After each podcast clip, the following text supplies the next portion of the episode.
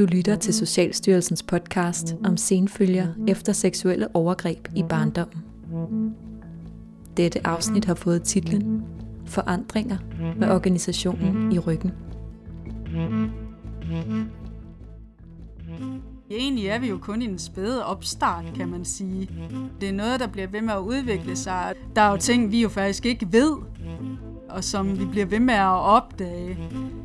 Ja. Så vi er sårbare sammen på den måde, ja. Det her er sidste afsnit i serien, der ser nærmere på, hvordan du som fagprofessionel kan gøre en forskel for borgere, der lever med senfølger. Første afsnit handler om, hvordan senfølger kan opleves indefra, og hvordan de kan se ud i mødet med fagprofessionelle. Andet afsnit handler om, hvordan du som fagprofessionel kan møde en borger med en traumebevidst tilgang. Og dette afsnit ser nærmere på, hvad der kan ske, når en organisation sætter fokus på senfølger efter seksuelle overgreb i barndommen. Det har man blandt andet gjort i Kolding Kommune. Goddag. Jeg har en aftale med Helle Telter. Okay, stop behandlingen. Ja. Kolding er en af de kommuner, der har lavet en handlingsplan på området. Det har de gjort i samarbejde med Landsforeningen Spor og Kolding Selvhjælp. Handlingsplanen gælder for medarbejdere og skal gøre dem bedre i stand til at spotte og håndtere borgere med senfølger efter seksuelle overgreb i barndommen. Helle? Ja? En besøgning til dig. Ja, det er lige præcis vej. Tusind tak. I kommunens misbrugscenter arbejder socialrådgiveren Helle. Hun fortæller i det her afsnit, hvad handlingsplanen og de forandringer, der er kommet ud af den, betyder for hende. Både fagligt og personligt. Ja, jeg hedder Helle. Vi sidder i stofbehandlingen i Kolding, og jeg er stofbehandler og uddannet socialrådgiver. Borgere med senfølgers historier og udfordringer kan påvirke den fagprofessionelle, og nogle gange kan arbejdet være psykisk krævende. Her fortæller Helle om en borger, hvis relationelle vanskeligheder var svære for hende at håndtere. Thomas henvender sig ved, at han ønsker at få hjælp til sit hatsmisbrug og øh, et forbrug af amfetamin. Vi går i gang med indskrivning. Vi spørger om en masse spørgsmål. Øh, hvor mange år har man haft et øh, forbrug? Har det haft konsekvenser for en, og hvad har det haft af konsekvenser? Hvordan har livet set ud indtil nu og i barndommen? Og her kommer der faktisk også nogle spørgsmål omkring, jamen har der været nogle traumer, hvor spørgsmålet også er, om der har været seksuel overgreb. Nogle vælger her at fortælle, at det har der faktisk været, og andre gør det ikke lige på det tidspunkt. Men Thomas han fortæller faktisk, at han er blevet seksuelt overgrebet, øh, men har ikke sådan helt lyst til at fortælle mere om det. Og det er jo helt okay. Øh, I de første individuelle samtaler, jeg har med Thomas, kommer han sådan lidt omkring, at han er blevet seksuelt overgrebet øh, af sin øh, bror, Thomas fortæller videre, at han har, er begyndt at gøre skade på sig selv, og Thomas har en kæreste, øh, han bor sammen med, men det er rigtig svært for ham at have nære relationer. Og det kommer jeg til at mærke. Til tider så øh, fortæller Thomas mig, at øh, jeg er den bedste behandler, han overhovedet har haft. Han har været igennem rigtig mange systemer, men har aldrig følt sig hørt eller mødt. Jeg er simpelthen bare ja, den bedste, han nogensinde har været i kontakt med. Og så var der tider, hvor, øh, hvor Thomas godt kunne finde på at sige, eller antyde, at jeg gjorde noget forkert i forhold til, at nu var jeg jo hans bedste behandler. Stille og roligt øh, bliver, bliver Thomas klar til at indgå i gruppeforløb, hvor det her handler om øh, relationsfærdigheder. Vi sidder i øh, gruppeforløbet, og Thomas er ikke kommet endnu. Øh, vi starter alle sammen stille og roligt op. Thomas kommer ind ad døren, øh, begynder bare at fortælle, at øh, når han kommer for sent, fordi at øh, hans kæreste faktisk ikke havde været hjemme i 14 dage, og nu er han lige pludselig kommet ind ad døren, og det vidste han ikke, hvad han skulle gøre ved. Og begynder egentlig at fortælle ind over en anden, som var i gang med at, at fortælle om den opgave, de skulle have lavet øh, til denne her gang. Jeg siger, øh, Thomas, det vil være rigtig fint, hvis du lige venter med at fortælle, og så kan vedkommende lige gøre sit færdigt. Thomas kigger på mig, pakker sine ting sammen, rejser sig op og går ud af døren. Og siden har jeg sådan set ikke set ham. Jeg, jeg kom til at tvivle på mig selv som behandler. Jeg følte, jeg ikke havde været god nok. da han rejser sig og går, får jeg en følelse af, gud, nu har jeg været med til at gøre, at han ikke bliver hørt. Så jeg synes, jeg har gjort alt forkert. Og synes jo også, nå, nu dur jeg faktisk slet ikke til mit arbejde. Det, som min supervisor fortæller mig, det er jo, at øh, jeg havde jo øh, forsøgt at passe på de andre, men øh, faktisk havde Thomas egentlig også passet på sig selv ved at rejse sig op og gå. Øh, og jeg havde gjort det så godt, jeg kunne. Men derfor vil jeg, er det jo også vigtigt for mig at sige, at det er hele vejen igennem, at vi skal ture og lære af de erfaringer, vi gør. Og det gør vi kun egentlig ved at være åbne omkring det, men også at forsøge faktisk at få ledelsen med hele vejen igennem, fordi vi skal ikke stå alene med det. Og det er derfor, det er så fantastisk at arbejde ja, her i Kolding, undskyld, jeg lige siger det, fordi at vi kan få lov til at gøre noget ekstra i forhold til det her med for eksempel øh, senfølger af seksuelle overgreb i barndommen.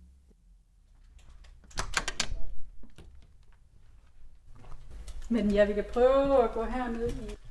Helle viser rundt i misbrugsbehandlingen.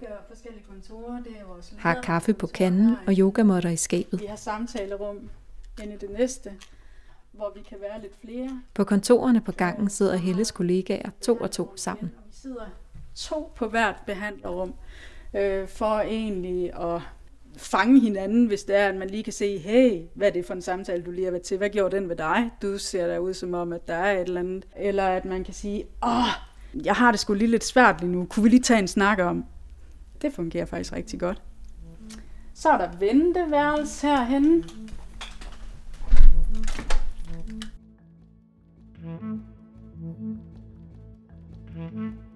Når et barn eller en ung er udsat for seksuelle overgreb, udvikler personen ofte strategier til at håndtere de traumatiske oplevelser. For eksempel er der mange, der bruger rusmidler til at holde svære følelser på afstand. Og sammenhængen mellem senfølger og misbrug blev også tydelig i misbrugscentret i Kolding. Der blev en opdagelse omkring, at der var flere og flere, der egentlig var traumatiseret af seksuelle overgreb i barndommen. Mange bruger rusmidlerne i forhold til seksuel overgreb. Og det ønskede man faktisk at få noget mere viden om. Øh, og hvad kan vi gøre for at imødekomme og egentlig få i tale sat det her noget mere? Fordi der er rigtig mange, der faktisk bliver seksuelt overgrebet det, der måske kan ske, som der sker rigtig mange gange, det er, at man også finder ud af, at jeg kan heller ikke fungere jobmæssigt. Jeg kan ikke få en uddannelse. Hvorfor kan jeg ikke fungere nogen steder? Så derfor er det jo vigtigt, at det her det bliver en stor viden til alle. Så hvis ikke, at det her seksuel overgreb skulle med på dagsordenen, jamen så vil vi jo tabe rigtig mange, fordi vi skal jo ind til sagens kerne, før at vi kan gøre noget ved tingene og forandre noget. Så derfor var det vigtigt for os, at vi faktisk fik noget mere viden, og heldigvis så havde vi jo også en leder, der sagde, yes, go for it, altså. Deres leder bakkede dem op, og medarbejderne søgte viden hos blandt andet Landsforeningen Spor, der er en brugerforening og interesseorganisation for voksne med senfølger efter seksuelle overgreb i barn og ungdommen. Og forandringerne i misbrugscentret tog for alvor fat, da Socialforvaltningen i samarbejde med Spor og Kolding Selvhjælp udarbejdede en handlingsplan der gælder for medarbejdere i kommunen. Meget hurtigt så blev der egentlig uh, lavet en handleplan, så vi egentlig alle sammen kan gøre brug af og gøre det samme. Hovedpunkterne handler om at give medarbejdere viden og konkrete værktøjer, der kan bruges i mødet med borgeren med senfølger. Og om at medarbejdere kan sende borgeren videre til f.eks. behandling eller brugerorganisationer. Et af punkterne i handlingsplanen hedder Lyt før du svarer. Og Helle siger, at fagprofessionelle skal ture lytte til borgeren, før de konkluderer. Det kan nogle gange tage et stykke tid, når borgeren først begynder at fortælle. Og nogle gange så kan vi måske have en tendens til at lige at svare lidt for hurtigt, og sådan have en tanke om, men der ved jeg godt, at det borgeren egentlig mener her, det er det og det og det. Men mange gange så er det faktisk ikke det, borgeren mener. Så derfor skal vi ture og blive ved med at spørge ind. Hvis man sådan kan mærke, at der er et eller andet her, og ikke rigtig ved, hvordan skal jeg spørge ind til det, så gå rundt om i stedet for. Har du svært ved at sætte grænser, for eksempel? Øhm, vil det være en mulighed? Kunne jeg hjælpe med at kigge på, hvordan du kunne lære at sætte grænser? Eller øhm, når du siger, at du er svært ved at møde op om morgenen, øh, er det svært for dig med struktur? det gør ikke noget, man spørger ind til, jamen er der andet, jeg så kan være behjælpelig med? Fordi det kan være, at det er den måde, man så egentlig kan få en tiltro til, hey, der er faktisk nogen, der egentlig gerne vil hjælpe mig. Fordi det er egentlig det, som de måske har fået en mistillid til. Det er egentlig, at der ikke bliver lyttet til dem. Og også høre efter, når de så for eksempel også siger, og nu ikke mere for i dag.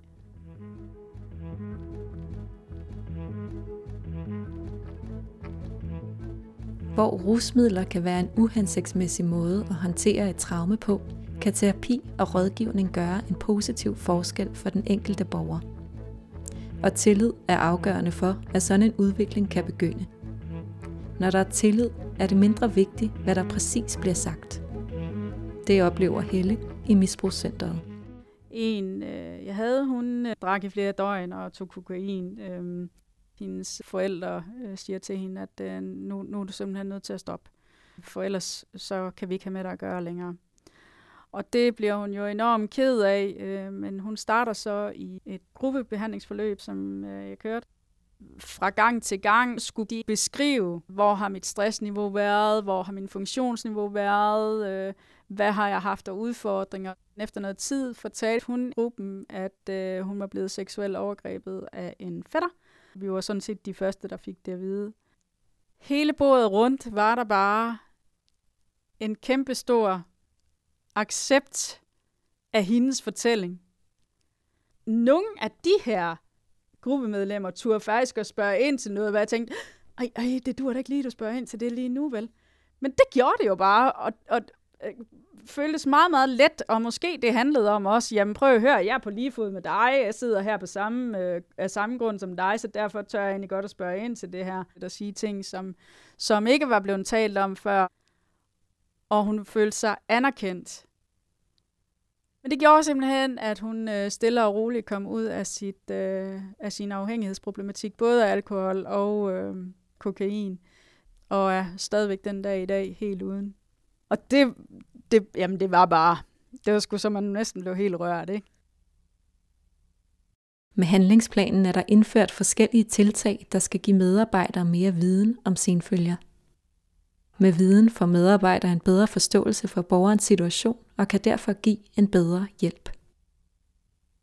Det, som vi har øh, været heldige med her i Kolding, det er faktisk at få kurser og uddannelser. Og vi har også forskellige slags uddannelser hver især. Så er vi også øh, en lille smule uddannet i, hvad vil det sige at, at have et traume, altså hvad kan det gøre? Vi er ikke decideret traumebehandling, øh, men, men bare det at have en lille viden, øh, gør utrolig meget. Øh, også i, hvordan kan vi gøre jer klar til egentlig at tage imod den ekspertviden, der er. Så vi forsøger at lave flere og flere spor ud i at få mere og mere viden, og at mange flere fagprofessionelle i Kolding Kommune får større viden, netop igen for at støtte de her borgere, og det kan blive mere tryg i. Vores forvaltningschef er med vi får lov til, at hvis der er noget, som vi synes, det her det er fandme nødvendigt, så argumenterer vi for det, og så får vi faktisk lov til at gå videre med det. Så vi får, vi får noget ejerskab i det, altså. Det, og det er fedt. Mega fedt. Ej, jeg kan også komme til at tale for begejstret om det. Handlingsplanen har skabt mere fokus på at styrke samarbejdet på tværs af fagområder og sektorer i Kolding Kommune. Formålet er at udveksle viden og styrke kendskabet til de forskellige tilbud, som borgere med senfølger kan få gavn af. Vi har lige været mødtes forskellige øh, fagprofessioner for at se hinanden forskellige sektorer fra, så vi også her får en viden om, hvorhen kan det søges hen, og hvorhen ligger den her handleplan henne. Og det jeg jo godt kunne tænke mig, øh, det er, at vi forvaltninger imellem også mødtes og fortalte, hvad det er, vi kan byde ind med, og hvordan vi gør. Altså, at vi lige så meget får en kendskab til hinanden, hvordan vi i hver især arbejder, fordi mange gange så uvidenhed gør, at man kommer til at øh, have nogle meninger om andre, ikke? For at vi bedre kan samarbejde, så har vi, så har vi brug for, at vi får viden om hinandens arbejde. Sådan nogle øh, yogamotter, som står her i skabet. I misbrugsbehandlingen har man valgt at arbejde med et kropsligt fokus for at sænke borgerens alarmberedskab. Jeg kan også se ude i vores gårdhave, som sådan set også er en sansehave, der er blevet lavet. Det kan de for eksempel gøre ved at gå en tur i sansehaven. Der er der jordbær øh, om sommeren, og der er blomster, der dufter. Så derude har man faktisk mulighed for at gå ud, øh, tage en kop kaffe og sætte sig ud i, i haven derude. Det er i hvert fald et forsøg på at gøre det så menneskeligt og roligt som overhovedet muligt, så der er tænkt på rigtig mange ting.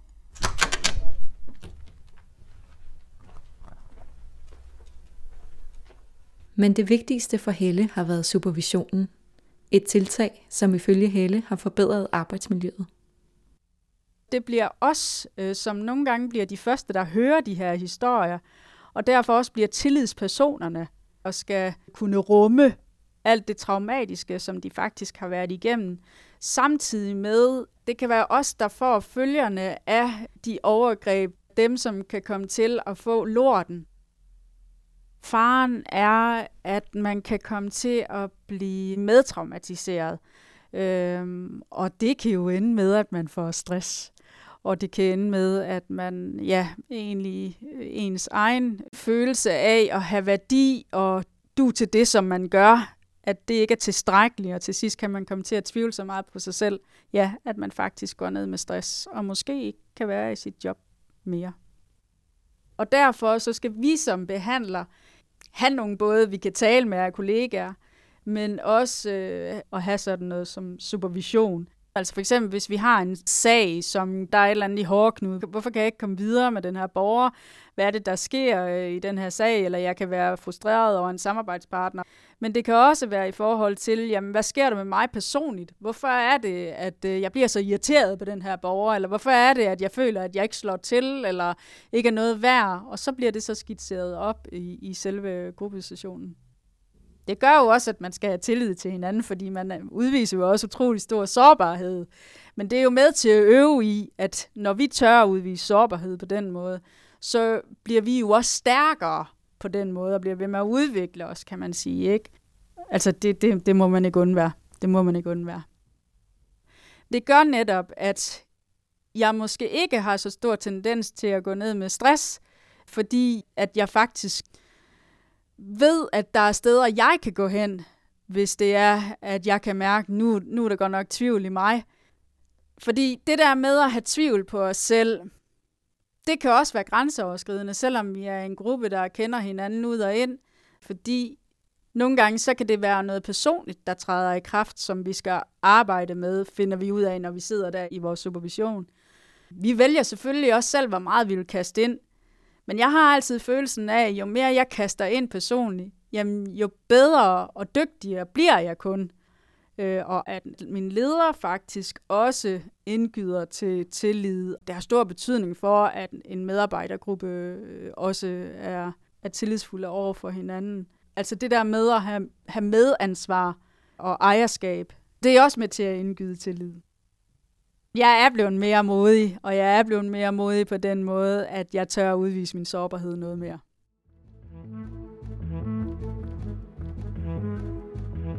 Man skal altid bede om hjælp, altså altid ture og bede om hjælp, øh, fordi øh, så kan vi være den største styrke for de borgere, der kommer ind.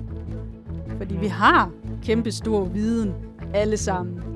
Jeg tænker, bare gå i gang. Så, så finder man ud af hen ad vejen, hvad kan der komme af, af modspil. Men jeg tænker, man skal ikke være rej for at gå i gang.